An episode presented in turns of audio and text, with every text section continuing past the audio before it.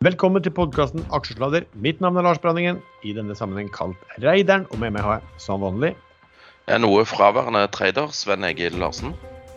Og en helt tilstedeværende jallakonge Erlend Henriksen. um, Og sistnevnte kan vel gi vår disclaimer. Ja, uh, ikke gjør som dere tror vi sier, for vi er totalt uansvarlige. Vi gir ingen råd dersom du hører på hva vi sier her om markedet, aksjer, enkeltaksjer og livet for øvrig, er ansvaret helt og holdent ditt eget. og det kan forekomme feil i det vi sier. Programmet, panel og panelets gjester kan være lang, kort, direkte eller indirekte ekspert i aksjer, selskaper og produkter som omtales i programmet, og vi gir altså ingen anbefalinger. Sven, eh, få høre med din eh, mangelfulle tilstedeværelse, hva er det som skjer? Ja, jeg har vært meddommer i eh, Stavanger tingrett eh, mandag til og med i går torsdag. I dag fikk vi fri fordi at noen måtte begynne å skrive noen prosedyrer osv. Så, videre. så er det på'n igjen på mandag. Eh, Men jeg tror bare det blir mandag og tirsdag. og da Opprinnelig var det ni dager, og nå har vi fått korta det ned til eh, seks dager. Fordi at eh, vi har vært så veldig effektive. Kan du komme med noe litt sånn innsideinformasjon om tiltalte Nei, det kan jeg dessverre ikke. Men jeg kan si det handler, handler om økonomisk kriminalitet. Mitt spesialfelt. Ja. Du, men men hva, hva er liksom satsene nå for å delta i der? For min del så er det null, da, siden jeg ikke har eh, arbeidsinntekt og jeg kan heller ikke eh, dokumentere tapt arbeidsfortjeneste. Så jeg er heldig hvis jeg får igjen eh, parkeringsutgifter eh, og eh, diettkostnader. Ja. I tillegg til, tror jeg jeg får kilometergodtgjørelse, så det er jo bra. Men hva, hva er liksom satsen, hva er gjeldende sats nå for, for å, å stemme for frifinnelse?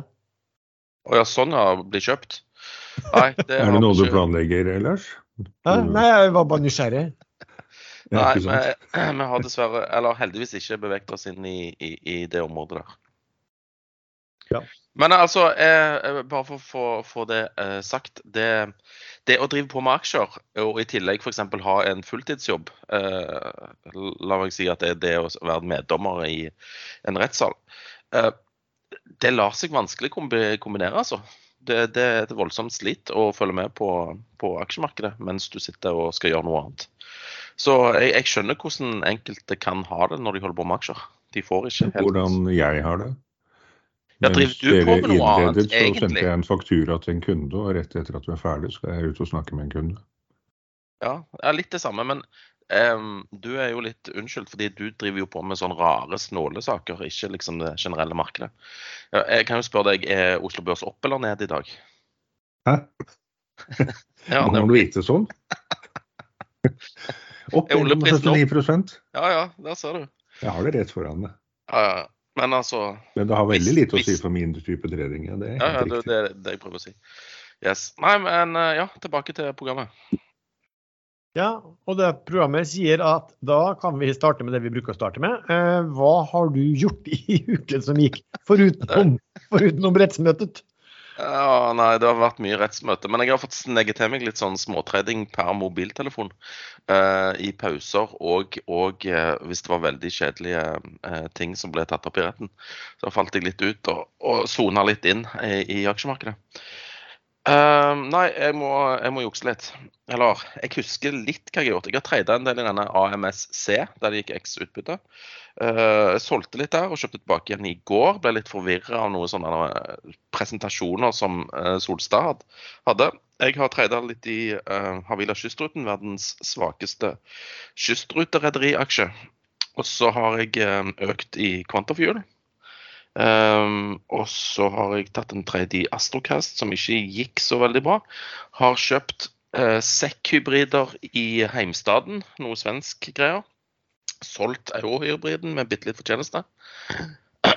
og så har jeg småtreda uh, uh, litt andre ting. Driver nå på å prøve å selge denne Axactor-obligasjonen. For jeg vil ha enda mer løst krutt, eh, eller tørt krutt, i tilfelle det blir mer eh, uro i aksjemarkedene. Det har vært litt sånn svakt i USA, bortsett fra nå i dag ser det ut som Amazon skal redde verden igjen. Ja. Erlend, hva har du holdt på med?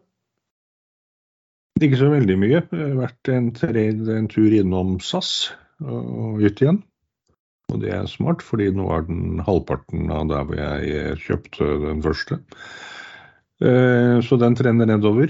Eh, men det er et halvt år til den eh, skal tas av børs, og der kan alt mulig skje. Men den kan også gå til 0,0001 øre før det, bare så det er helt klart. Det er Det er først Ja, vi snakker om 1000 Nei, det gjør vi selvfølgelig ikke, men vi snakker om i hvert fall to ganger 95% ned før vi er ned på 0,001. Uh, ellers er tredje Argeo, litt ut og litt inn. Uh, men de fire siste handlene i Argeo, det er kjøp. Men ikke store kjøpene. Der kommer jo masse aksjer uh, en eller annen gang etter neste fredag.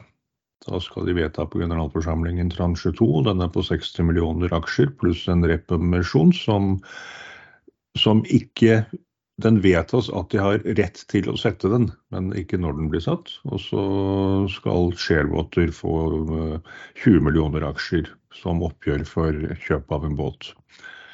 Eh, men av de, de 20 millionene de blir jo ikke solgt, og de er også lockup. Eh, og det har også Kistefoss. Så hvor mye som selges av de 6 millioner, det er litt usikkert. Men Emisjonskursen er på 3,20, nå er kursen på 3,46. Og mitt håp er at den skal stige før de nye aksjene kommer ut i markedet. Men uh, markedet er litt treigt akkurat nå. Det er, en, det er, ikke som det var før på sånne vacuum case. Men jeg holder mesteparten av de sannsynligvis over helgen. Mulig jeg selger litt i dag.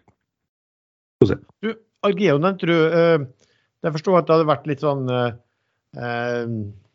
Dagens Næringsliv hadde skrevet noe kritisk om denne misjonen. Og... Dagens Næringsliv skal man vel kalle, kanskje ikke kalle han eh, Jensen. Han må jo ha noe morsomt og sarkastisk og ironisk å skrive i hver eneste dag, er det vel. Eh, så han slaktet denne misjonen, mente at det var et ran av aksjonærene, men der kom Kistefoss eh, med et tilsvar og sa at det stemmer ikke. Og jeg leste tilsvaret, og det var et veldig godt svar. Der kjørte de en rettet emisjon fordi de ikke trodde at aksjonærbasen hadde evne til å, til å bli med på så mye penger som de trengte. Så de, den ble rettet, men aksjonærene får da tilgang via en rep-emisjon til å opprettholde sine eierandeler. Og de, ettersom den er kun for de som hadde aksjer på den stikkdagen, så kan de også overtegne, og vil sannsynligvis kunne få mer enn de har, mer enn tilsvarende det de eide før. Så denne emisjonen er noe av det reneste, rensligste som har vært uh, av de rettede emisjonene i det siste. Ja, for det var Lars Petter Utseth som, som, som tidligere i Kistefast, og som sitter vel i styret i Argeo, som, som, som skrev et sånn, ja, innlegg som, svar på, på um, Jensen, og som ja, slo, i hjel det, det er litt, kanskje litt spekulative kommentarene der. Men da kommer vel Jensen med en unnskyldning, en sånn såkalt dementi da i, i Dagens Næringsliv i neste gang, gjør han ikke det? Uh, det vet jeg ikke. Uh, Nei, han gjør ikke det. vet du. Han har aldri dementert noe som helst. Det er mulig. Uh, er det noe mer spesielt du har gjort, Erlend?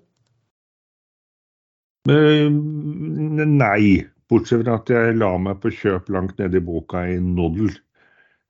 Svens gamle yndling. Skal Noddel skal til null eller hva var det du sa Alt om den? Hva da? Hva er det Sven alltid sa om Noddel? Skal til 1000 eller null? Ja, nå blir det null nærmere, ja.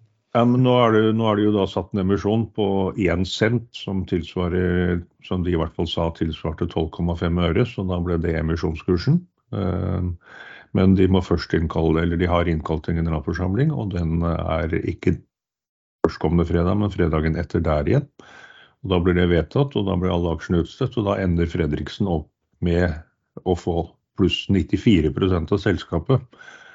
Og har allerede varslet at han kommer til å legge inn bud på alle aksjene. Det må han da gjøre. Og i og med at han har over 90% allerede, så kan han også da umiddelbart velge å tvangsinnløse alle aksjene. Men om han gjør det, det vet man jo ikke. Men, men hva skal han med en bunch småaksjonærer som ikke gadd å være med på den emisjonen på 12,5 øre. Uh, han tegnet seg for nesten 30, rundt 30 millioner, og resten av aksjonærene tegnet seg for under 1 million. Så det er jo bare suppe for han i hans rettssak mot Saipem, er det vel det heter. Nei, ikke Saipem, Hanva. Hanva, ja. Stemmer det. Uh, OK. Uh, for min del, hva har jeg gjort? Uh, fortsatt i Spania så har jeg gjort ganske Eller veldig lite. men nå reiser jo hjem herfra i morgen, og neste, så neste uke blir det nok atskillig mer aktiv og pålest. det har jo skjedd ting på Solstad Offshore, skal vi snakke om litt senere i episoden. men jeg har vært inne og tradet Solstad med, med hell. American Shipping Company, eller de heter vel AMSC nå, da. Der solgte jeg meg ut, eh, for der skjedde vel eh, den, den gikk da um, altså den, Det var jo det store utbyttet, og at jeg tenkte at den ble liksom priset nærmere Nav. Men når, nå stakk den jo opp eh, ved, uh, når denne dealen med Solstad kom. Eh, så da basert på hvordan Solstad da var priset, så så ikke den, den, den store rabatten der lenger, hvis du ikke skulle eie fordi at de kanskje var kommet inn billig på Solstad. Men det er jo sånn. Um, og ellers har jeg gjort Jeg har gjort litt sånn trade i forbindelse med denne i går i forbindelse med denne store bankfusjonen mellom uh, SR-Bank og uh, Son, og så var det Sparebanken Sørøst-Norge som skal slå seg sammen. og Det er noe bytteforhold der. Kan nevne litt av det senere i uh, sendingen. Ellers er det vel sånn at Oslo Børs denne uken er vel ned en prosent, mens USA er ned 3 eh, Men Oslo Børs EU dag jo, har jo tatt inn en god del av ja, halvparten av kursfallet før i uken. Den er opp 1,3 akkurat nå. På Verst er en artig kommentar angående rettede emisjoner i Dagens Næringsliv eh, som ble lagt ut uh, i aksjesladderkanalen vår nå klokka 11.48. Eh, der skriver eh, Atle sak for aksjesladder. Er ikke lett å holde tungen rett i munnen når man er aksjekommentator. For kort tid siden drev DN, Dagens Næringsliv, og Nordnett en kampanje hvor de mente at rettet emisjoner var grisestygt og feil. Når Ottovo nå velger å gjøre det slik DN og Nordnett drev kampanjen for kort tid siden, så skriver man det slik i Norge. Og der skriver de mer amatørmessig enn dette har vi ikke sett før. Så det skal ikke være så enkelt og tilfredsstille alle? Nei. Um, vi kan jo snakke litt om O2 uh, litt uh, senere også, eller i neste segment. For da, um, Sven, uh, nå har du jo blitt skikkelig fyr i den siste uken, endelig, i forhold til emisjonsmarkedet. hva har du å rapportere denne uken? Jeg var med i en emisjon, og vel så det, holdt jeg på å si. Jeg tror jeg har vært med i flere.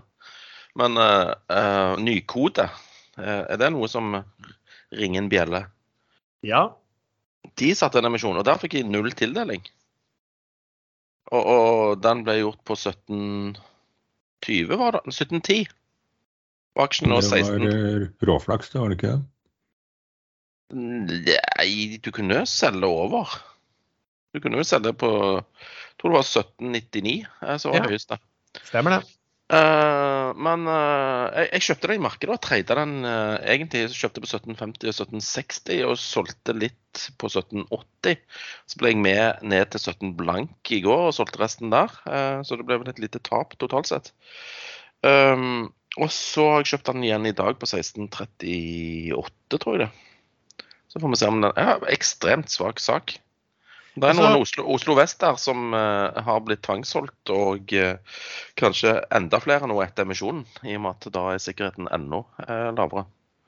Ja, for kan ikke bare fortelle hva som var størrelsen på emisjon og kurs og rabatter, og hvordan det var egentlig? Jeg husker ikke størrelsen på emisjonen. Jeg hadde nok med å komme meg opp om morgenen. um, skal vi se, Price Place, jeg kan se her. Den, de hentet inn over 500 mill. På det. det er ganske, ganske, mye. Men trengte de egentlig de pengene nå? Det, var, det lurte jeg egentlig på. Er det ikke de som skal sikte inn på en børsnotering i USA? Jo, de var så piss leie norske investorer. Så bare selge sel aksjen. altså, det her, men det her er jo litt morsomt, da. fordi at de, de, meldte jo da at etter børs, ikke sant, at den contemplated, og uh, så melder de da at, uh, at uh, større eksisterende aksjonærer har indikert en interesse for å tegne opp til 330 millioner. Altså, de vil, Det er jo nesten det er vel to tredjedeler av emisjonen som de har indikert interesse for å tegne seg for. Så blir den satt, og så eh, viser det seg vel at de ikke tok noen aksjer. Eh, fordi at den ble så overtegnet, og at de fikk da stor internasjonal eh, deltakelse fra eh, investorer. Så det kan jo være en kan, en del tegnet seg fordi at de ser at oi, her, dette har de eksisterende stor tro på, her blir vi med. Og så oppdager man at OK, de ble ikke med likevel.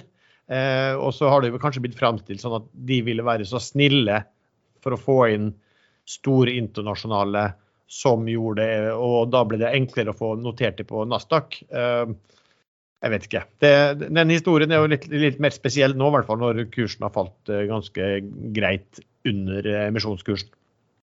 Ja, merkelig opplegg. Ja. ja jeg, jeg, sitter, ja, jeg sitter faktisk sjøl Det er en sånn så du kjørte, jeg satt også, har også sittet i dag og, og telt på fingrene om at kanskje man, kanskje man skal kjøpe den, noen, den ut ifra den svært lave, og du fikk en null tildeling til, eh, til aksjonærer i den, eh, denne emisjonen. Men ja. Ja. jeg, jeg, vet ikke. Men uh, det ble jo en julekulekandidat av dimensjoner. Ja. ja. for den er ned Hvor mye er den ned hittil i år? Da? Den er ned per 40% i år, den. Ja, ikke mer? Jeg trodde han var der enda mer. Jeg. Er det noen garanti for at den ikke skal videre ned, da? Nei, selvfølgelig er det ikke det. OK, det var nykode. Hva, hva andre? Tipper at du har vært med på én til, i hvert fall. OK. Hvilken da? Eh, det er et selskap som har sklidd en del, og som det har vært snakk om at OK, de trenger kanskje noe penger i forbindelse med brudd på lånevilkår i starten av 2024. Eh, som liksom nå var sånn Og som ble tippa inne på ekstrainvestorchatten i løpet av åpningstiden, vel, at her er en stor kandidat for å hente penger i dag. Noen som driver med, med boligrigger, kanskje? Det er kanskje det, ja. Ja, jeg var med på den. Uh, ja, det var i ukene, og jeg uh, fikk mail og leste den på vei til tinghu, eh, tinghuset. Uh, og jeg fikk tildelt ca. 5000 aksjer på kurs 60 i Prosafe. kursen var 91, var det vel. kvelden, altså dagen Sluttkursen før emisjonen var 91. Emisjonen ble satt på 60 blank. Der har du 34 rabatt, smakk. Tydelig at uh, tallene ikke ble godt mottatt, og tydelig at uh, investors interesse for å bli med der var veldig lav. Men jeg tegna en minstetegning og fikk uh, aksjer for rundt 300 000. Og det skulle vel tilsi rundt 25% til det. Men det Prosef har gjort, det er jo å ende opp uten rigger eller boliger. etter sigende har de bydd seg inn altfor høyt og ikke fått noen kontrakter. Uh, så er det liksom uh... Men de har det vel også sagt litt sånn rett ut, at de vil ikke selge seg billig. Uh, jeg husker jo Sidril veldig godt. De kjørte en rekonstruksjon for noen år siden og hadde masse rigger, men de holdt på de riggene. De ville ikke selge seg billig, de heller. Og det ble en ny, ny rekonstruksjon. Ja, de har gått i, i rottefella. Ikke sant? Så det de gjorde nå, det, kursen var jo helt oppe på hvor mye var den? Over, langt over 200 i hvert fall. Mer enn det. Det har vært 197 kroner har den vært på ett år, og i år var den på høyeste 186. da. 221 ser jeg her fra september 2022. Og det er bare sånn grov uh, chart hvor jeg ikke ser en dags intradagsspir. Ja, for, men jeg tror denne, hvis du husker her, så var det vel sånn at først etter en eh, restrukturering så plukka vel Hightech opp noen aksjer fra en del av disse långiverne. Og så kom, eh, var vel eh, Alden, altså egen, egen, Edvin Austbø og Magnus Halvorsen de plukka opp også ganske mye aksjer. Og det tror jeg de gjorde over dagens emisjonskurs. Det var på kanskje 70-80-tallet. 75 og 70, tror jeg. Da gikk det mye aksjer. Ja. Og nå er den altså tilbake igjen på emisjonen på på 60 kroner. Eh, jeg vet ikke om dere husker, altså Jeg nevnte også den at det var snakk om rykter i, det, i, i, i markedet også om at uh, gjelden i det selskapet ble solgt eller det var, ja, ble solgt ganske betydelig under pålydende, som også var et sånt tegn på at, at ja, man ikke prisa egenkapitalen veldig høyt. da. Så, men jeg gjorde som også Men det er sånn Når man driver med salg, og det er gjort ganske mye i mitt liv, så, så, er det faktisk at eh, det, stort sett gjelder at det første dårlige tilbudet er det beste man får. Så man skal ikke la være å ta imot kontrakter eller prise seg så høyt at man ikke får dem fordi man håper at markedet skal bli bedre. Man må jobbe med det markedet som er til enhver tid. Men man kan jo posisjonere seg. Men nå er det vel sånn at Prosef har vel inn en ny sjef nå. altså Når den kom, den her, så, så, så jeg vel og venta på at den skulle komme, så da, da tegna jeg meg. Eh, og så kom det etterpå en uh, tildeling av opsjonspakker, hvor uh, han som da var toppleder, hadde nye toppleder, jeg tror han hadde fått rett til å tegne seg for noen og 20 millioner kroner til kurs 709, var det vel.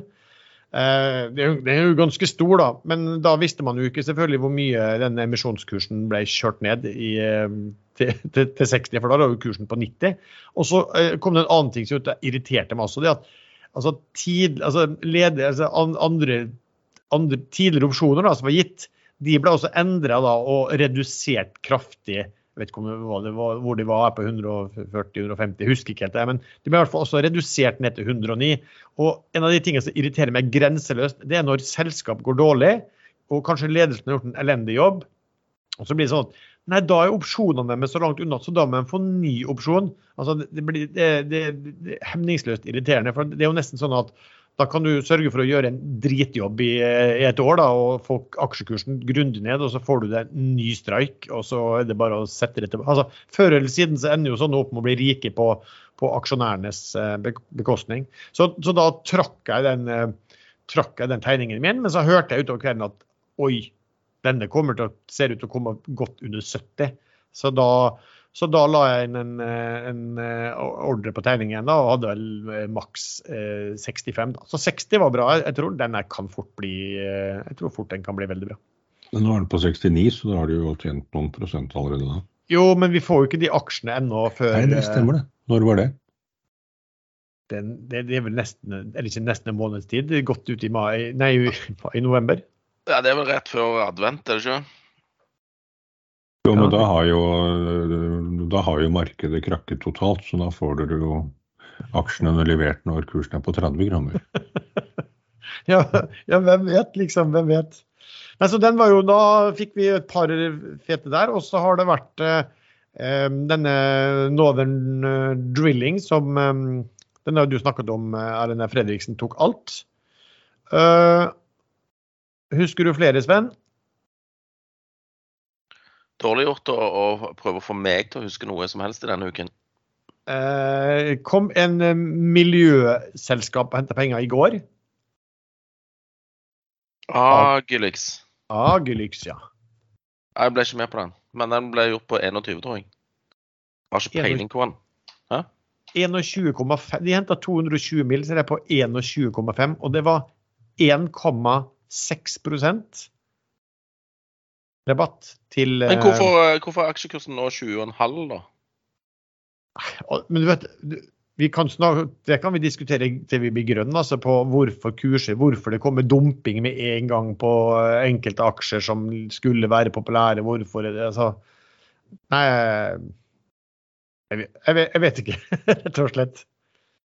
Men, eh, men, den har falt ganske godt under, i hvert fall med en gang. Jo, jeg husker ikke ja. hvor mye de henta heller, men det var noen uh, Exxon og en uh, annen uh, sak som skulle delta og hente penger. da.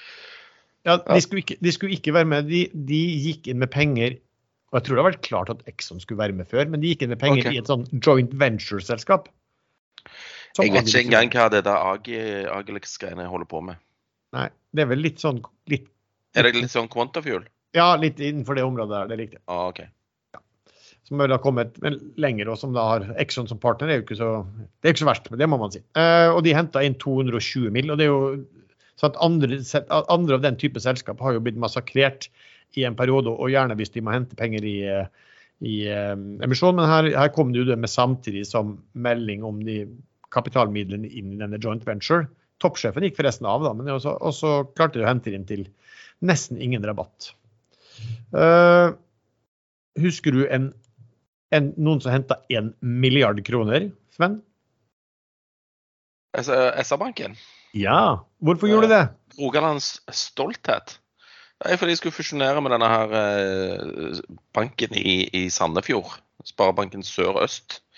De har tydeligvis funnet masse geografiske synergier her. Så det er jo logisk. Er det den som man tvikker Sun?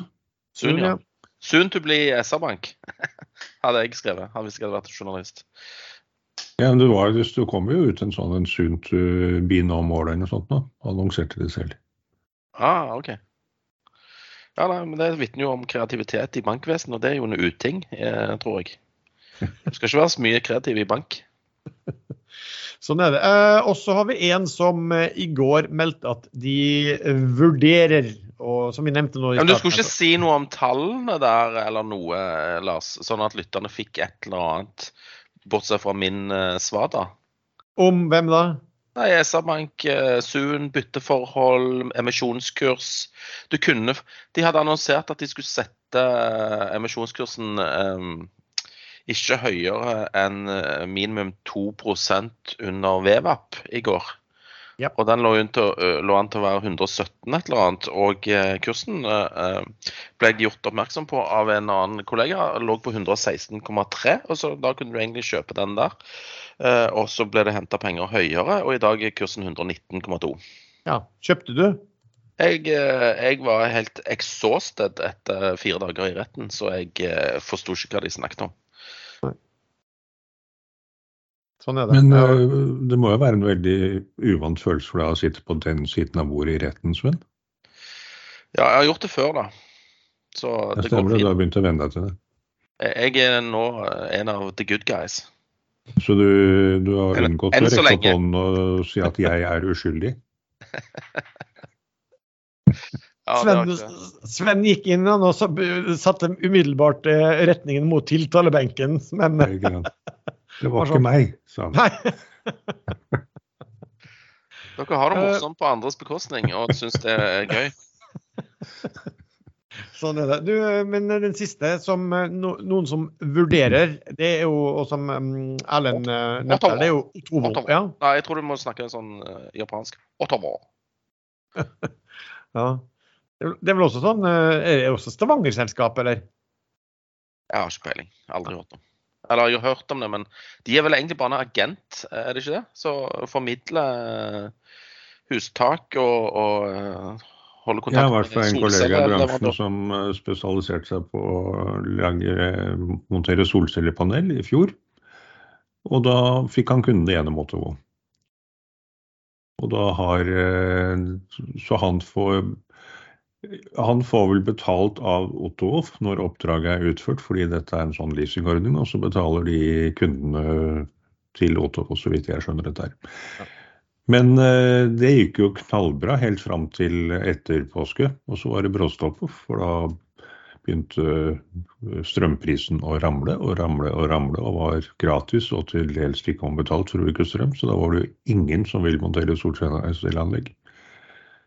De, de ta, de, nå har de jo de har jo ganske stor omsetning, men eh, de taper jo penger. Og så er det som du at de har vel leasing, da, sånn at eh, hvis du får det på, ditt, eh, på, din, på din bolig, så kan altså Otovo står for investeringen, og så må du må betale de, de tilbake over tid. Det er jo kost, kostnadskrevende. Konseptet er jo smart nok, det. Det er jo vanlig med leasing også til privatkunder på biler og andre ting. Så hvorfor det går så galt for Otto, det jeg har ikke satt meg så godt inn i dette her. Men de må Nei. vel ha for høye kostnader i forhold til inntektene. da. Det er vel gjerne derfor man går i minus. Ja, for det gikk jo også minus selv når det var veldig god eh, periode. Det var vel, i, var vel ikke 2022 når det var strømprisen høy og superinteresse for dette her. Jeg ser at de Otto er nå ned for det har falt voldsomt de siste dag, eh, ukene. Altså, sist uke ned 45% og den falt jo da selvfølgelig kraftig i, i går, eh, etter at de varsla at de vurderer å hente penger. Altså, de falt 31 i går, ned nye 12% i dag ned altså 81% year to date. Og det er vel, det er vel da Men jeg, jeg vet ikke om det DN skriver at de er amatører fordi at de skal gjøre fortrinnsrett. Jeg, jeg fikk ikke lest det, Erlend, men eh, det å Nei, det er vel, vil jeg vel tro motsatt, at de ikke kjører en fortrinnsrettet emisjon, at den heller ikke er garantert. Så markedet vet egentlig ikke noe særlig om eh, Men jeg har ikke lest artikkelen. Eh, nå ringer det på døra her. Hvem faen kan det være? Uh, uh,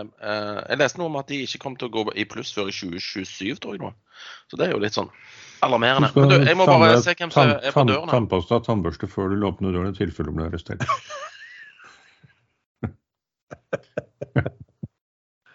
Live på aksjesladder, liksom. Da hører vi snart noe skrik og hyl og 'jeg vil ikke', og det var ikke meg. Det var, det var Erlend. Det var Den, Lars. det var ikke meg denne gangen, sier han. Ja, da han ble borte. Ja, ja. Det var ikke så Men vi får finne en eh, ny, eh, ny tredjepart i aksjesladder, da. Ja, ja. Nei, men det Han får vel ikke så mange år. Hæ? Han får vel ikke så mange år. Nei, men du, jeg tror, kan ikke, kan ikke, får, du, får du ikke lov å ta tele, en telefon ut som varer en en drøy times tid da, en gang i uka? Jo det, jo, det går an å kombinere, det vil jeg tro. Ja, Så det blir eh, sånn du, du ringer til det. Ja, Man får vanligvis lov å ta en telefon til en advokat, men det er jo ingen advokat som kan klare å hjelpe Sven uansett, så han kan, han kan bruke den på aksjesladder isteden. Sånn er det. Han ble i hvert fall, han ble, han ble i hvert fall lenge borte.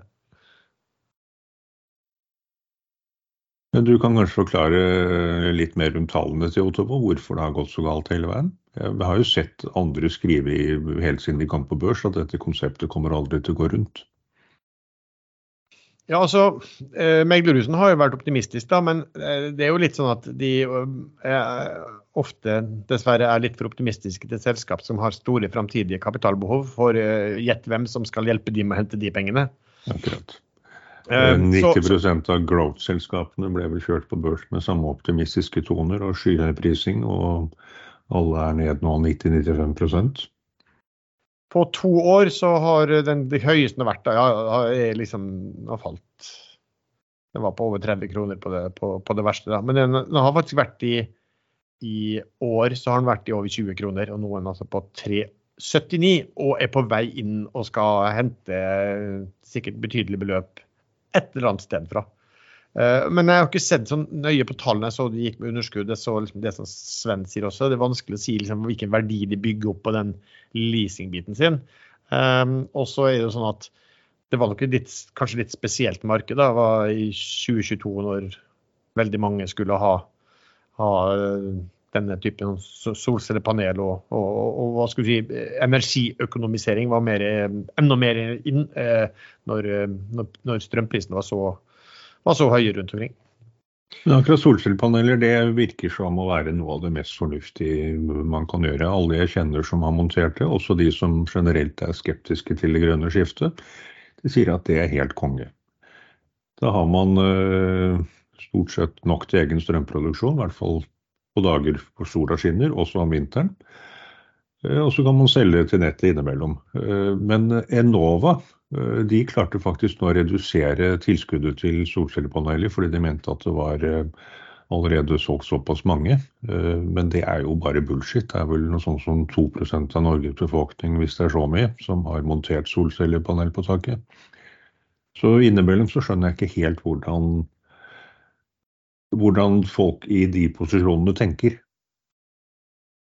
Der er Først så pusher de på med tilskudd, sånn at øh, bedrifter øh, starter opp og ser for seg et marked som kan vare i noen år. Og så kommer det plutselig varsel om at fra og med september, om to-tre måneder, så vil, så vil tilskuddene halveres. Det, da ødelegger man mange bedrifter og arbeidsplasser i Norge når man holder på sånn. Man må ha litt øh, hva heter det for noe? Man må ha litt øh, rammeverk som er stabilt når man driver bedrift. Men eh, husker du, apropos sånn energiøkonomisering, husker du vi snakket en del om disse varmepumpeselskapene? Energy Save i Sverige var vel det første vi snakket om som hadde gått noe sånn voldsomt opp. Eh, og så snakket vi, for jeg og Sven var jo inne og handla litt i det som heter Group Airwell. Var på, vi var, gjorde det på rundt hva var det da? Vi var med fra tre til fem eller et eller annet sånt. Eh, Altså den, den franske som Den henta jo også penger fra norske investorer um, senere når det gikk på en mer regulert børs i, i um, Frankrike. Uh, men de selskapene har jo fått kjempehjuling også. Så dere Energy Safe så var det en sånn yndling. Og, hvor det, jeg tror de eierne solgte seg mye ned også på, på toppen. Den var jo nå på eh, Jeg tror den var falt eh, Skal vi se hvor mye den har falt hittil i år, da. Den har falt eh, 84% ned i år. Energy Save i, i, i Sverige. Tikker ESGR. Eh, jeg har ikke sett tallene. Var noen som sa at de prises vel ikke noe særlig Nå er det ikke så mye mer enn en, snart nettcash de prises til, men jeg er litt usikker på det. Men det er ikke noe tvil om at varmepumper skal jo pushes med tilskudd rundt i hele Europa. Det er jo en veldig effektiv energisparemåte. Ja. Ja. og da er det alltid smartinger som hiver seg inn, uh, blir børsnotert på skyhøy prising, og antall barn i Kina stykker. Og de vet jo det når de går på børs, og dette er jo, det fins jo ikke holdbarhet i det. Dette vet jo meglerne òg, som tar det på børs. Men jeg, men jeg, tror faktisk at det var sånn at faktisk Energy Save var priser, eh, var priser veldig lavt. De var faktisk priser på disse her nivåene for ikke særlig mer enn et år siden. Det begynte å gå, I fjor så begynte den aksjen å gå fra, eh, fra 30-tallet. Eh, sånn i juli eh, begynte den å gå og var steg kom seg opp i 220 Den gikk altså seksgangeren på, på um, en knapp, uh, på knapp seks måneder. Var på altså over 230. Jeg tror det ble gjort noen stor transaksjon på 200 kroner med noe salg der. Og noen på ja, nå steg litt i dag, da, men er på 38,85. Den er tilbake til start. altså Da var vel prisingen sikkert ganske fornuftig i det tilfellet. Kanskje. ja. Ja, bortsett fra at noen fond har kanskje kjøpt seg en der som ikke er like fornøyd. Denne Group Airwell også, som eh, Der ble vel også den siste emisjonen som i dominerende grad ble tatt av nordmenn, ble vel gjort på fem euro per aksje. Eh, var det, ikke like, det var jo ikke like basert på at de, de hadde begynt Det var mer basert på at de, de, skulle ha en sterk vekst framover og begynne å levere resultater, enn at de allerede hadde de. Og, så den har ikke falt så mye, den, men den er vel ned knappe 20 Det var vel ja, noe over fire sist gang jeg så på den. Så den type aksjer har jo da fått, uh, fått som en kraftig smell uh, de siste perioden. Men det er jo sånn med alle nye ting som kommer, så er det de som er tidlig ute, de kan få helt vill prising, og alle skal inn og ha en bit av kaken. Se på, på stikkontakter til, til biler, eller billading, som ikke heter eh, ladere. Det er ikke Laderen sitter i bilen, ikke i den stikkontakten på veggen. Eh, I Norge så har man da Saptek, og så hadde man is, og så har man kanskje et par små selskap til. Eh, jeg kan ikke dette markedet godt, men internasjonalt så er det jo flere hundre. Så det at man tror at man kan hente ut skyhøye gevinster på å selge et helt enkelt produkt en, som er en stikkontakt med litt overspenningsvern og litt uh, elektronikk, det, det, er ganske naivt. Man må man må skjønne at sånne selskap etter hvert så vil de få konkurrenter, eh, og de kan også konkurreres ut. Ja, Men sånn som Saptek og sånn har jo tjent veldig gode eh, penger, de, og har jo ikke priset sånn voldsomme multiple heller. Men eh, når det er bare i Kina, så er det vel over 200 sånne tilsvarende selskap som produserer eh, tilsvarende løsninger til helt andre priser. Så marginene blir ofte barbert bort etter hvert. Ja. Men jeg, jeg, kan ikke noe til det, men jeg vil jo egentlig tro at hvis det, var, hvis det var så enkelt, så ville jeg jo ikke trodd at de kunne holde på å tjene så fete marginer. altså vil, Nå ser jeg bare noen estimater på, på i år at de har eh, på Saptek, som skal omsette for nesten 1,6 milliarder og ha 140 mil i, over 140 mill. i driftsresultat, hvis det blir riktig, så så er det, sant, det er jo nesten på, det er på nesten 10, 9 da, i, i driftsmargin eh, på høy, høyt volum. og Det er jo, det er jo, det er jo råsterkt eh, sånn sett. Da. Men så får vi bare se hva som, hva som måtte dukke opp av andre. Skal vi se, det Uflaks for Saptek var jo at de fikk jo ikke disse iskundene eh, som de hadde håpet på. Is har jo klart å overleve foreløpig i hvert fall. Men det er jo ikke avklart ennå om, Easy.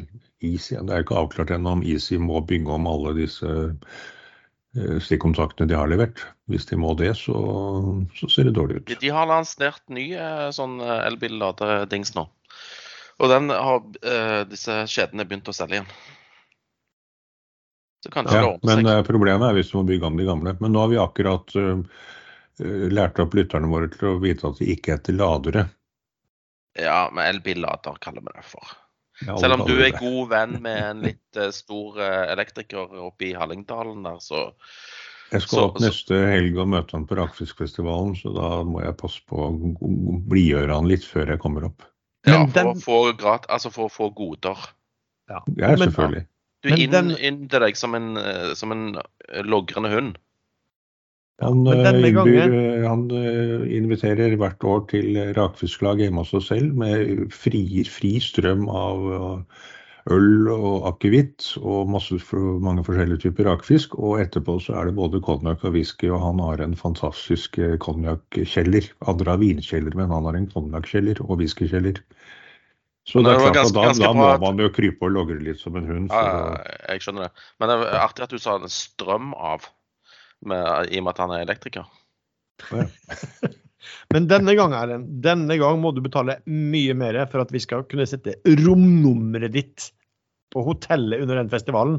For at vi skal sette den i tittelen. Det blir det er prisstigning fra sist gang. Hva, slags innkvartering har du valgt denne gangen? Nei, Privat, nå bor jeg på, nei, nå, denne gangen har jeg faktisk Jeg satt i eh, Hva er det dere trykker alltid? FM eller hva det er for noe for å refreshe? FM, ja. Ja, De legger ut hotellrommene på Scandic hotell midt i sentrum. Det eneste fornuftige hotellet å bo på eh, en eller annen gang i januar. Man vet aldri nøyaktig når. Og de er borte med en gang. Men denne gangen klarte jeg å sikre meg to rom der oppe. Hva skal du med to rom? Jeg I skal ha med, du, i tilfelle du med, går feil? ha med en god venn.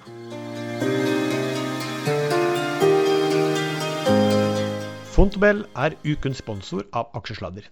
De er en av de ledende utstederne av børshandlede investeringsprodukter i Norden, med over 15 000 aktive instrument. Med Bull og Bear-sertifikat kan investorer ta del i oppturer og nedturer på børser over hele verden.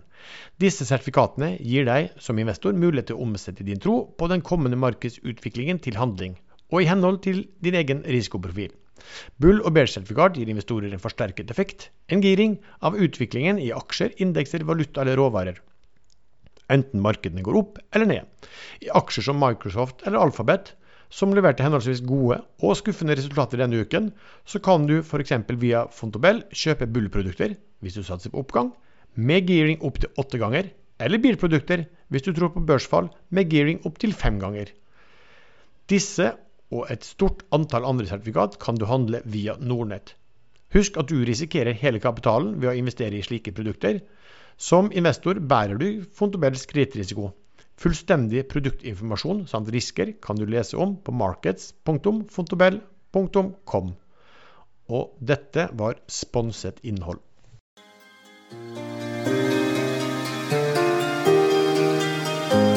Solstad, nå det har vi snakket masse om, og endelig, Sven, så kom den restruktureringen. Og den ble selvfølgelig gjort til ti kroner, som du sa. Eller? Det er jo helt umulig å vite hva kurs den ble gjort på. Eh, fordi at det, Eller den ble gjort til 11, et eller annet. Så jeg var jo ikke langt ifra, syns jeg, da. Ble den gjort til 11? Men fortell, nei, bare fortell hva, hvordan det var. Den ble jo gjort til 11. Bestrider du fakta? Um, nei, nei, jeg vet ikke. På 11 i det datterselskapet, tenker du på? Nei, i den som skal gjøre emisjonen. Kurs eh, Nå skal jeg finne, finne kursen, da. Det ble gjort til 11, et eller annet. Jeg, jeg sa ti, så da bomma jeg med én. Ja, Kan, kan, kan vi være enige om det? Ja, altså, for min del er det, er det helt greit. For det, det var en del som ville sa at jeg, ville at du skulle bli plaget med spørsmål om ti kroner. ehm, så da har jeg gjort det, og så er jeg enig med deg. Ja. Nå, men altså, det ble jo gjort i denne her eh, 11,8782 per aksje i eh, Solstad Newco. Altså, det er ikke Hafslund Nycomed, men Solstad Newco. Eh, som da eh, De gjør en litt sånn Doff-modell. Eh, de bare putter alt i Newco, eh, bortsett fra det de ikke ville ha med videre. Og så henter de penger der, og så får du tegningsretter i gamle Solstad, som da heter etter hvert Solstad Remain Co. Eller heter det bare Remain? Ja, samme det. Remain Co, tror jeg. Så det er herlige supper. Ehm, jeg tror meglerhusene, og til og med jeg fant ut at uh, fair verdi på Solstad Offshore uh, var 18,3 Altså- før, før penger. Ja, for, fordi at, men nå er det sånn, altså Kan ikke du fortelle strukturen litt uh, i det her? Nei, jeg kan jo ikke det. det de putter noe claim og noe eh, båter i Remainco, og så tar de alt resten i Newco og henter penger der. Og Aker har garantert for eh, 2, var det 2,5? Det ble 3,5 Var det 3,5 og Nei da. Nei, hør, hør. Nei, nå, jeg, Jeg jeg, jeg tror du surrer litt, jeg. Ja, jeg tror det. Eh, fordi at det, det de gjør, det er at de Solstad, altså morselskapet, legger store, del, store deler kan vi si sånn, av sin eh, virksomhet inn i et nytt datterselskap, Nuco. I det datterselskapet så kommer Aker inn med 2,25 millioner friske penger.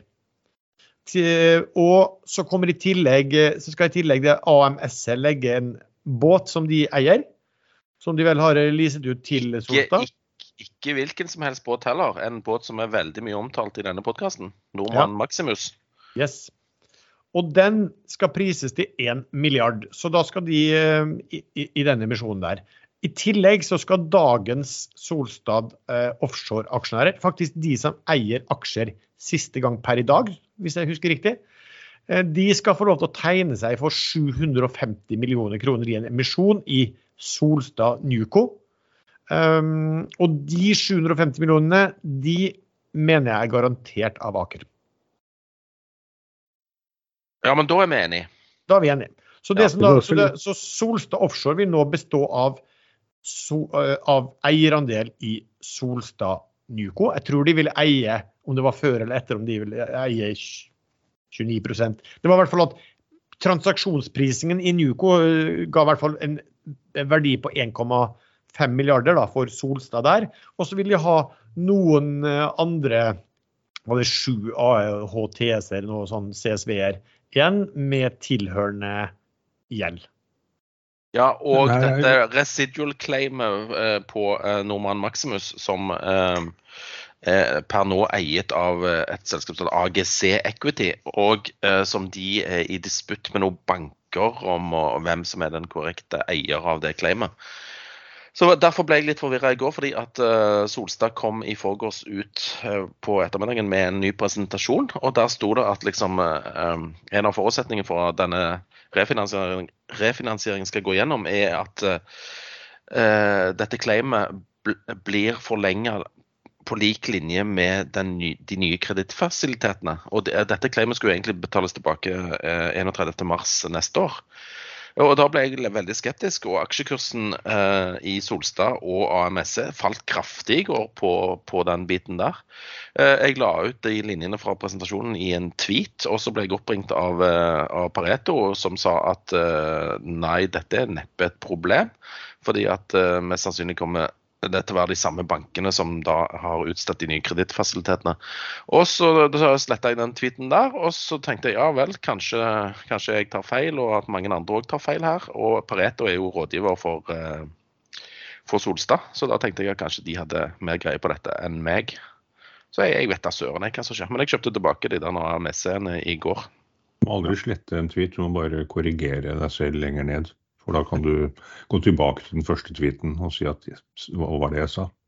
Ja, sånn, ja. Men, men, men jeg, jeg så det jeg bare kom en diskusjon på det, og tenkte at det høres veldig rart ut at de går ut med ting om hva Aker skal gjøre, og, og, og hele restruktureringen. Og her er det verdt å nevne, for det vi har snakket veldig mye om, altså som er da øh, hva gjør de med eh, lånegjelden sin?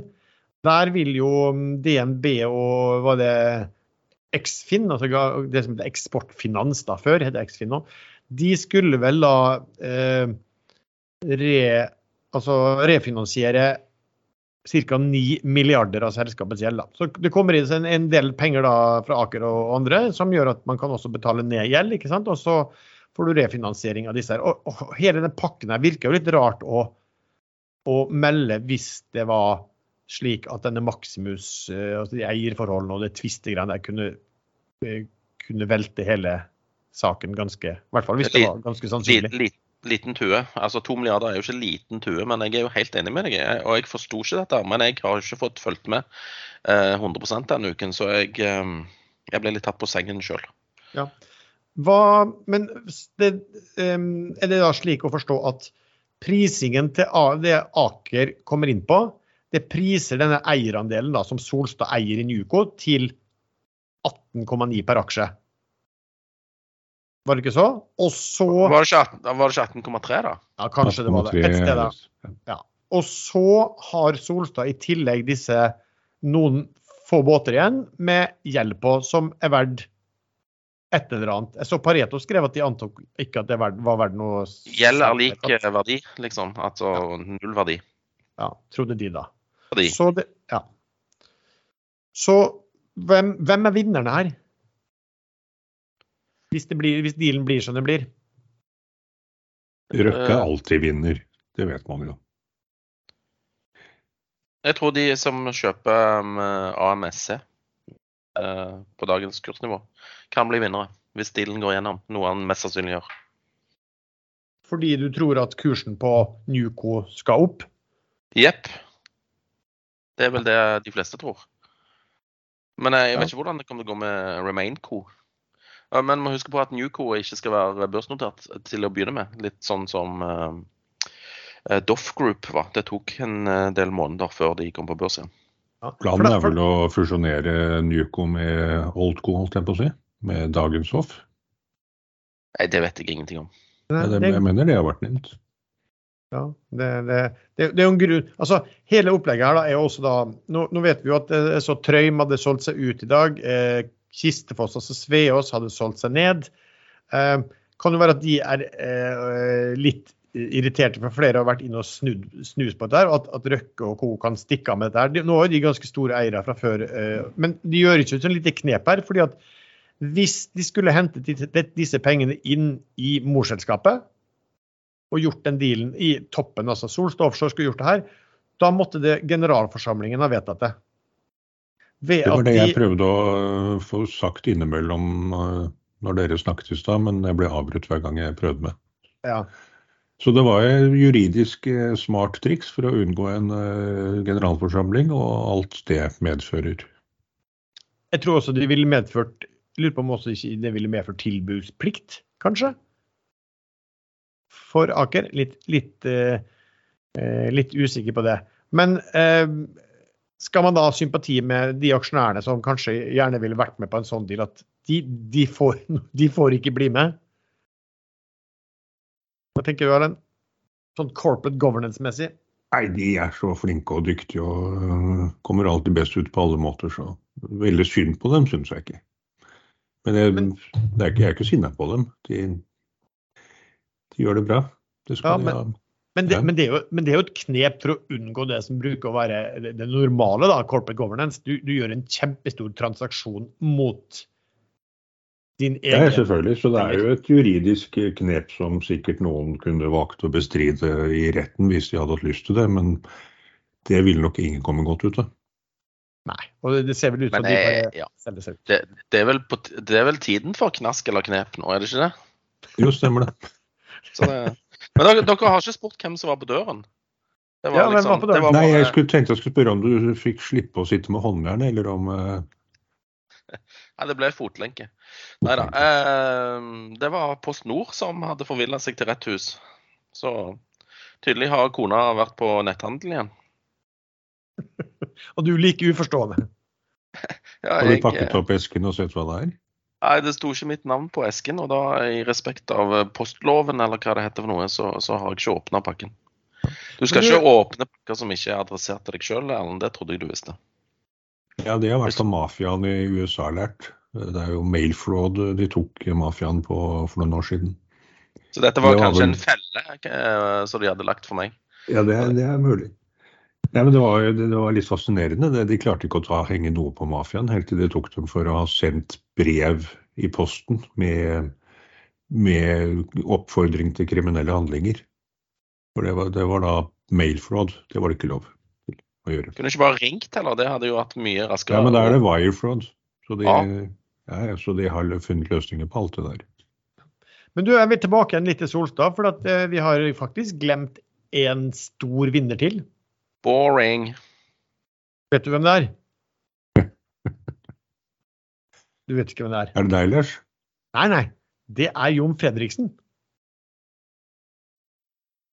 Ja, for han hadde For... kjøpt seg stor dropp i Bonds før? Ja, nei, han har kjøpt seg opp i banklån. og han har kjøpt, altså Det var vel snakk om Nå var det jo litt sånn rykter da fra Finansavisen, men han har jo kjøpt seg opp eh, i gjeld. og Det var snakk om at han hadde betalt da mellom 50 til 70% historisk på, på, av pålydene. Så satt han vel i de da og tenkte at ok, hvis det skjer en stor restrukturering, da skal, de, da skal de, det lånet omgjøres til aksjer på en billig pris. Alternativt, sånn som skjer nå, Røkke går inn, de gjør det knepet. Men hele lånet blir jo da innfridd. Så han får tilbake 100% av pengene. og da var det var Finansavisen altså anslo at han kanskje kan dra oppimot 700 millioner kroner i gevinst på den dealen. Så det er jo, det er jo pene penger. Da blir det fine julepresanger hjemme hos eh, Fredriksen-familien i år. Ja, ja. Da er han råd til å kjøre nådelrettssaken helt i land mot han, han var. Ja, ja. Han var.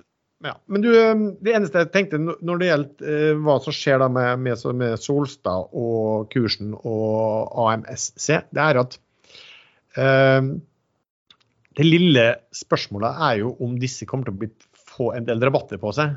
Altså, De blir jo på en måte et investeringsselskap. AMSC vil jo være et selskap som vil eie en del av Solstad Nuco, som ikke er notert, men som blir notert. Og og det samme vil jo være Solstad Offshore, som vil ha den dominerende eh, eierandelen sin vil jo være i, et, eh, i, en minoritetsandel i et selskap som ennå ikke er notert. Altså vi vet, hvis, det, hvis spørsmålet hvis folk å se på det som en sånn investeringsselskapsrabatt eh, som ikke Så kan du jo ende opp med å få eh, altså, vi, vi, har jo snakka mye om eh, investeringsselskap som har rabatter på både 15, 20 og 30 um, ehm, Kanskje litt annerledes, men du, du, får fort en rabatt der, altså. Syns jeg du snakker kursen i AMSC eh, feil vei. Ja, men det, det kommer kom jo an på om folk liksom vil regne. Er du posisjonert i aksjen for øyeblikket? Nei, så Hvis du hadde hørt på i starten, så sa jeg at jeg solgte når den transaksjonen her kom. Så det er din interesse at kursen i AMS skal falle framover? alles, all, det er min interesse at alle aksjer jeg ikke eier, skal falle. hvis det så. Greedy bastard. That's true. Det er eh, ingen sak som uh, Lars Hørtfred? Jo, jeg tror en del har faktisk sagt det. Han, han uh, tenker mest på seg sjøl. Eller egentlig kun på seg sjøl. Men det er jo sånn romsdaling, da. De er jo verdens sunnmøringene. Ja, jeg, jeg, kan ikke så mye om, om folkeslagene oppe i nord der. ikke, ikke mer enn at du er blitt skeptisk, skal vi si. Nei da, du er hyggelig du, Lars. Men dere, hadde, dere lo sånn på min bekostning at jeg prøver bare å ta, ta tilbake litt. Ja, er men er vi snart ferdig her nå? Nei, for vi har, oh, nei. Oh, nei. Vi, har, vi har, et tema til vi er nødt til å ta opp, for det har veldig mange spurt om. Um, for det har vært uh, mange Finansavisen kommentarer om et uh, nettsted som har produsert, uh, og, og, eiere og Twitt som har produsert hva skal vi si, veldig ja, spesielle meldinger om selskap. Da, og der det har vært skrevet om, om kjøp i forkant og etterkant og, og, hva som helst. Og Mesteparten av det, det skal vi la ligge. Det som kan være interessant her å snakke om, er vel det de kanskje avslørte litt om selskap som har betalt dette nettstedet. Omtaler du deg sjøl i tredjeperson her nå, eller hva som skjer? Uh, nei, nå er det jo ikke meg de kjøper, da, men uh, betale, betale for Ekstra, Sier du at uh, du lar selskap få, få, promotere seg på ekstrainvestor uten at du tar betalt? Nei, det gjør jeg absolutt ikke. er du gal? de får faktisk promotere seg, men de får promotere seg med sine egne ord. Det vil si, jeg har faktisk blitt spurt om det. Kan du lage en, liksom, en redaksjonell omtale av eh, vårt og vårt selskap på denne måten? Uh, og det um, har jeg ikke vært interessert i. Det som har vært spesielt i en tilfelle her, da, var jo at de har kjøpt seg reduksjonell omtale, men i visse tilfeller så ser det ut som om de har blitt også uh, fulgt opp med ekstrem hausing på um, på Twitter. Og, og, jeg vil jo si at en del av disse artiklene også, som de har, dette nettstedet Investor Nytt etter som de har laget, også har vært veldig, um, veldig hausende. Så uh, jeg vet ikke, jeg så at disse tekstep, når de leste om dette her i avisen og hva, hva, som var skrevet om de, så trakk de seg liksom, da trakk de avtalen umiddelbart. Hva, hva tenker dere som har kanskje sett litt på det? Altså, uh, er dette noe som de liksom de og flere kanskje eh, ikke har visst om, eller er det fordi at det har blitt oppdaget og brettet ut i media at de da finner ut at oi, nå, nå, nå trekker vi oss. Hva tenker du, Erlend? Nei, det blir, det, blir det, det, høres jo logisk ut det du antyder. Eh, men det blir litt spekulasjoner. Jeg har egentlig ikke så lyst til å spekulere om eh, så for mye om andre aktører i markedet. Nei, men kjøpe, men sånn, eller sånn kjøpe omtale på Sånn generelt så syns jeg det er en grisete uting hvis et selskap betaler for å få artikler, og det samtidig kjøres et hausekjør rundt, rundt det samme selskapet, som ofte bygger på luft og ingenting. Så ja, det virker veldig grisete. Så får vi se hva, som, eh, hva dette ender med. Ja. Hva tenker du Sven, om, om type sånn betalt omtale? Man, man, har, man har, jo også betalte, eh, betalt, eh, analyser også, da. Som skjer. Hva tenker du Sven, om problematikken?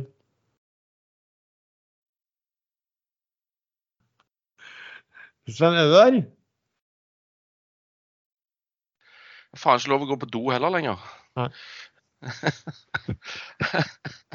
ja, nei, det er en uting. Eh, det bør, eh, bør dømmes i en, eh, en rettssal nær deg.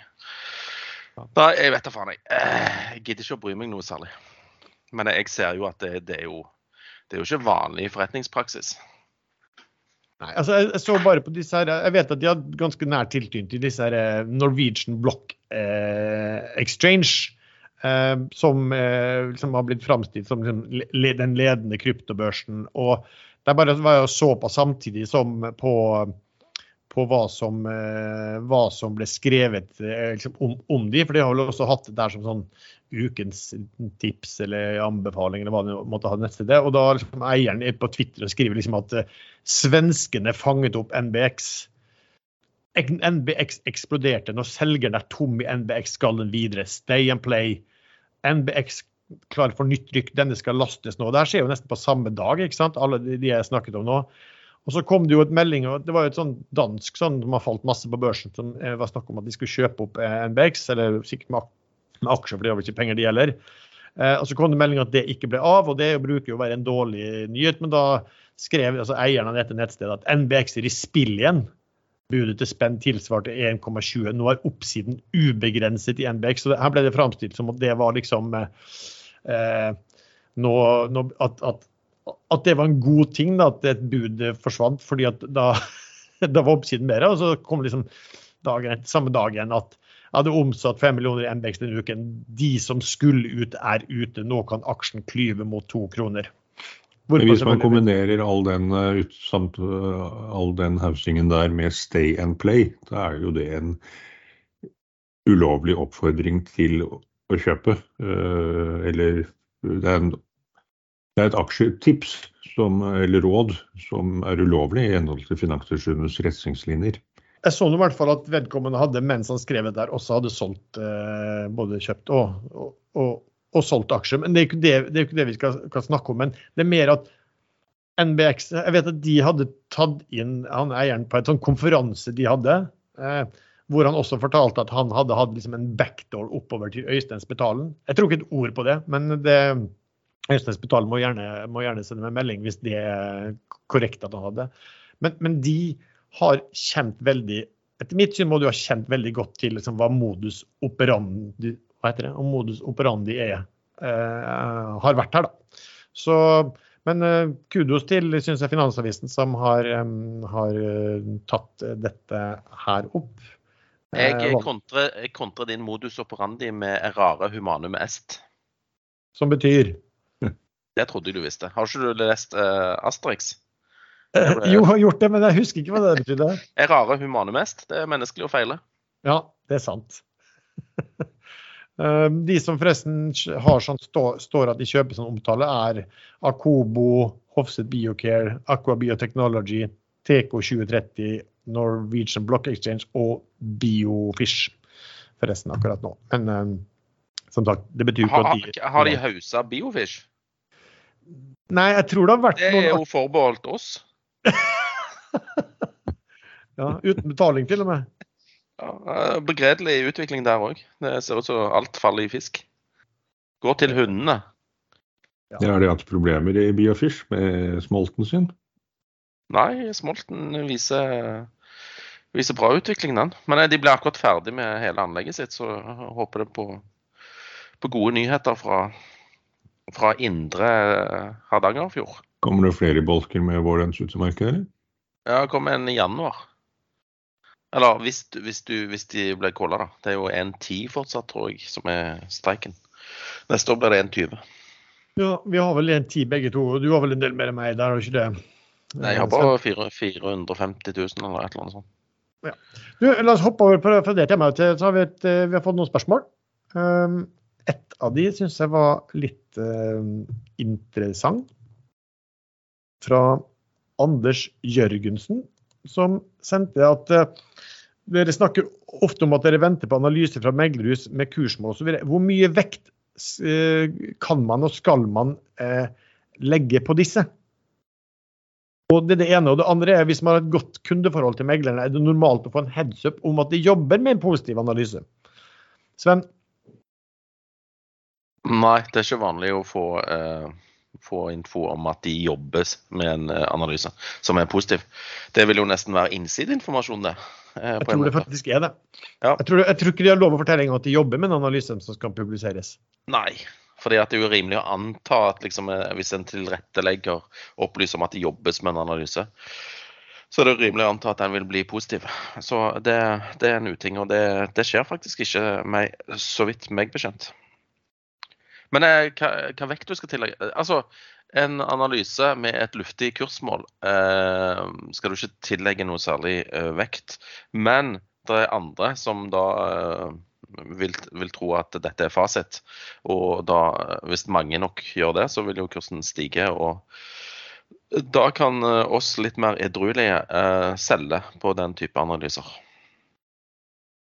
Jeg tror jeg har sett noe statistisk så er det sånn at eh, salg, altså anbefalinger på salg har større treffsikkerhet enn kjøp. Nå er det ikke så mange av de, og, og, og det er klart at du skriver rundt salgsanalyse, så er du sikkert mer, mer ærlig da, enn en, enn en del av de kjøpsanalysene som, som kan ha en del sånne ja, bakenforliggende motiver for, uh, for det.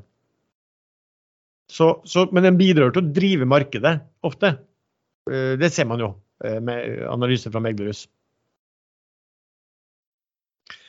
Eh, skal vi se hva vi, har. Um, Et spørsmål her om um, hvordan kan man shorte norsk indeks uten uh, å være short oljeeksponering? Forslag, Sven?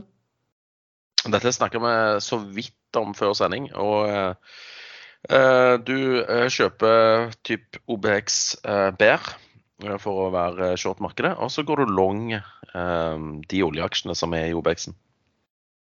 Da er du uten olje, altså da er du nøytral på olje, oljebiten, mens du er short resten av Obexen.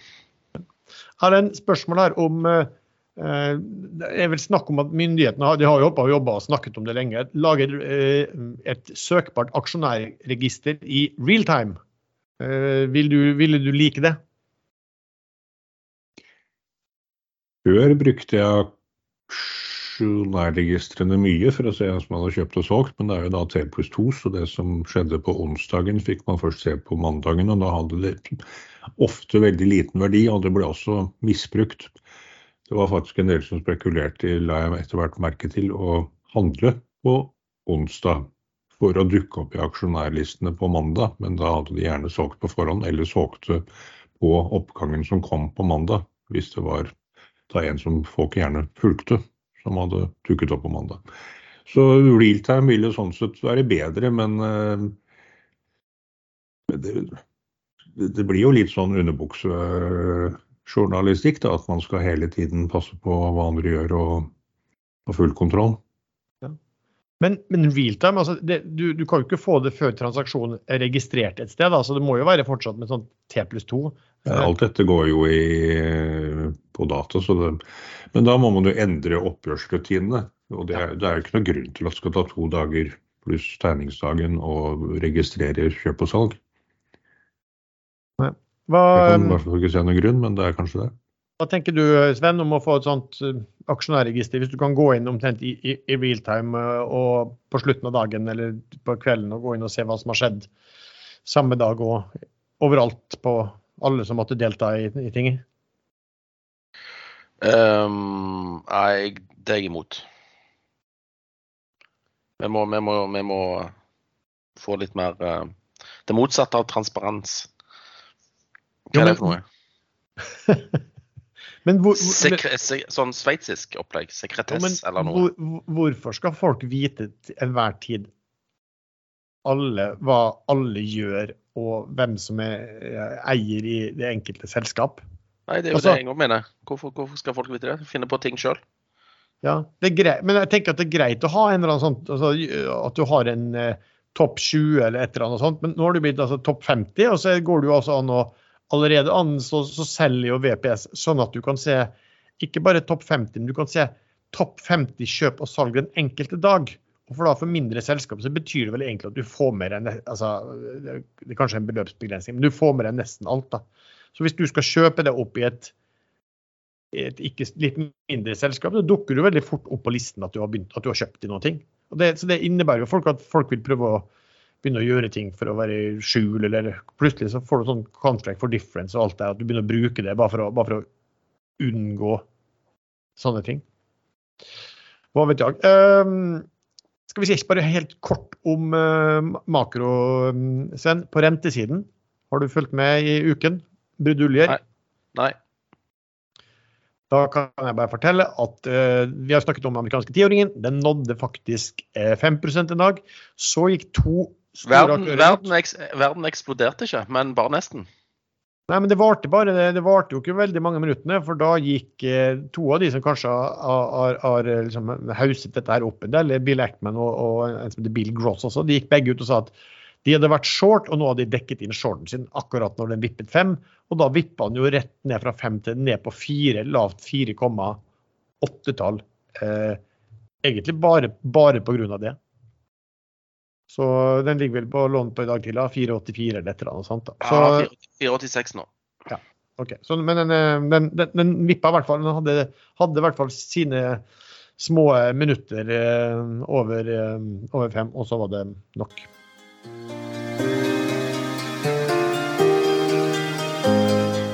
Hei, Hans Petter Mellerud, CEO og grunnlegger av Salaris her. Hvis du er ute etter et kjapt klipp, så er det vel med Salaris som aksje som det er med Norseman. Dette er sannsynligvis ikke noe for deg. Høres det derimot interessant ut med 23 års kontinuerlig vekst, lange kontrakter med noen av verdens beste selskaper, deriblant seks av de ti største på Oslo Børs, økende lønnsomhet og kontantstrøm, så sjekk ut Salaris. Vi digitaliserer lønn og HR-tjenester for store selskaper som Software as a Service eller outsourcing. Feirer snart ti år på hovedlisten med ticker SAL. Det er ZAL. Inneværende år har vist en meget positiv utvikling. Du finner link til vår Q3 Webcast livesending og opptak på Ekstra Investor sin Facebook-side eller på salaris.com. Hvis du er ute etter langsiktig verdiutvikling, så er kanskje Salaris noe for din portefølje. Vi håper å se deg som aksjonær. Og skulle du være interessert i å gjøre Norseman, så følg med. Vi starter snart vår rekrutteringskampanje til Team Salaris Norseman 2024, og vil prioritere kunder og investorer.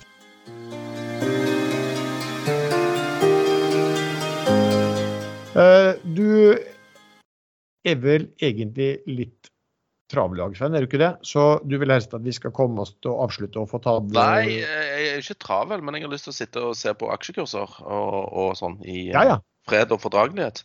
Klart. Og det skal du få lov til. Jeg har ikke fått lov vi- til det hele uken, liksom. Helt abstinens, liksom. Ja. uh, og da kan, vi, da kan vi avslutte som vi bruker å gjøre. Da må vi høre på om du har noe eh, favoritt eller noe spesielt du ser på så, uken som kommer. Nei. ehm, jeg ehm, Det er de samme gamle rakkerne, liksom, eh, hele tiden her.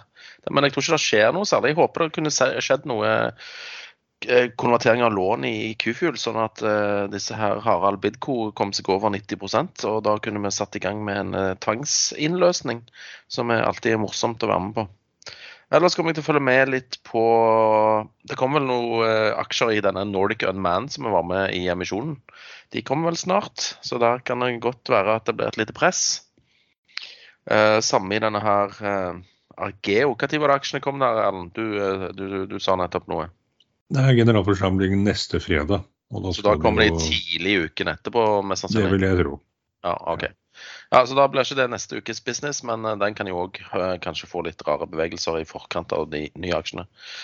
Uh, AMSE og SOF, følg med på de. Der uh, kommer det jo nye utviklinger hele tiden, føler jeg. Eller ny informasjon. Men uh, jeg vil jo tro at sånn som de holder på, så kommer den dealen til å gå igjennom sånn som den er skissert. Noe annet vil overraske meg stort. At uh, Hvis de ikke har tenkt på alle mulige fallgruver og uh, tuer som kan velte lasset. Så følg med på den. Uh, og disse sidene for Doff Group fortsatt veldig sterke. Okay. Og oljeprisen, Gaza, hele den der Midtøsten-driten der, det kan jo plutselig smelle mer, da. Og da, da er all bets off. Ja. Um, Erlend, har du noe spesielt? Ja, bare kort til eh, Hvis det smeller ned i Midtøsten og det påvirker uh, oljeproduksjon og shipping av olje, så, så vil jo noen aksjer sikkert reagere, positivt òg. Hvis ikke markedet får seg en så voldsom uh, overraskelse at alt faller. Men eh, ja, jeg eh, følger med på Argeo ut neste uke. Og så følger jeg med på utviklingen i den når aksjene kommer, og ser om den fortsetter opp. Jeg syns de har gjort mye bra nå. Fått inn sharewater og hentet pengene de trenger. Og eh, kommer til å melde en De meldte i går at en av, en av kontraktene de allerede har tegnet, ble utvidet. Men det er de har ikke fått letter over hva var det ennå. De har fått beskjed om at eh, de hadde det eneste budet, og de var det eneste som oppfylte alle kravene søkerne hadde. Så de kommer til å få det økte oppdraget. Og det var 150 millioner til i, i omfang. Men om Argeo klarer å få bedre marginer enn de har hatt før, det, det, aner jeg ikke. Men det spiller ikke så mye rolle for min trening. For hvis, øh, hvis det nå bøtter inn med meldinger og backloggen blir større og større, så, så, er det først ved kvartalstallene at man ser om de faktisk tjener eller taper penger. De sier selv de skal tjene penger. Jeg har litt tro på dem nå. Um, ellers så har jeg ikke så veldig mange eh, gode tips nå. Jeg følger stort sett mest med i USA. Uh, jeg syns det er veldig mye som faller i Norge. Uh, faller jevnt over hele tiden, særlig småselskap. Så jeg er avventende. Og det er jo et tips, det òg. Eller et godt råd, det òg. Man må ikke alltid kjøpe.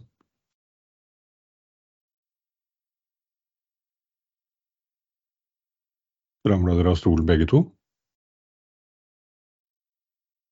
Nei, jeg sitter trygt og godt, men det verre med han Spania-føreren. Hei!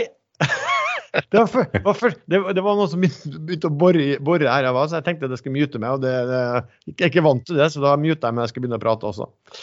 Ok, uh, nei, Det som skjedde i går, var jo da at du fikk en storfusjon, eller planlagt storfusjon innen sparebanker. Det blir vel Norges da tredje største bank, faktisk. Um, så det blir en stor aktør. Og bytteforhold er jo litt interessant, fordi at de som eier da Son, uh, de får 0,5 48,17 av SR Bank-aksjer. Pluss et utbytte på 4,33. Det vil, det vil, si at da skal jo eh, de kursene prises i henhold til hverandre eh, på det, men Son prises eh, under. Var på det meste oppi i 6 forskjell i går. Er vel nede nå på 3,5-4 forskjell. Så der kan man jo da gjøre en ja, long Son, Short, SR-Bank. For dette ser jo en deal som, å, som, som virker som det kommer til å bli en done deal, absolutt. Um, og da kan du jo, kan du jo dra inn uh, 4% på en eller annen tidspunkt, x eventuelt lånerenter. Alternativet er jo hvis du da eier um, SR-Bank i dag, sitter på grunnfonds, eller det er jo aksjer der, da, så vil det jo være lønnsomt for deg å selge de og kjøpe sonen nå.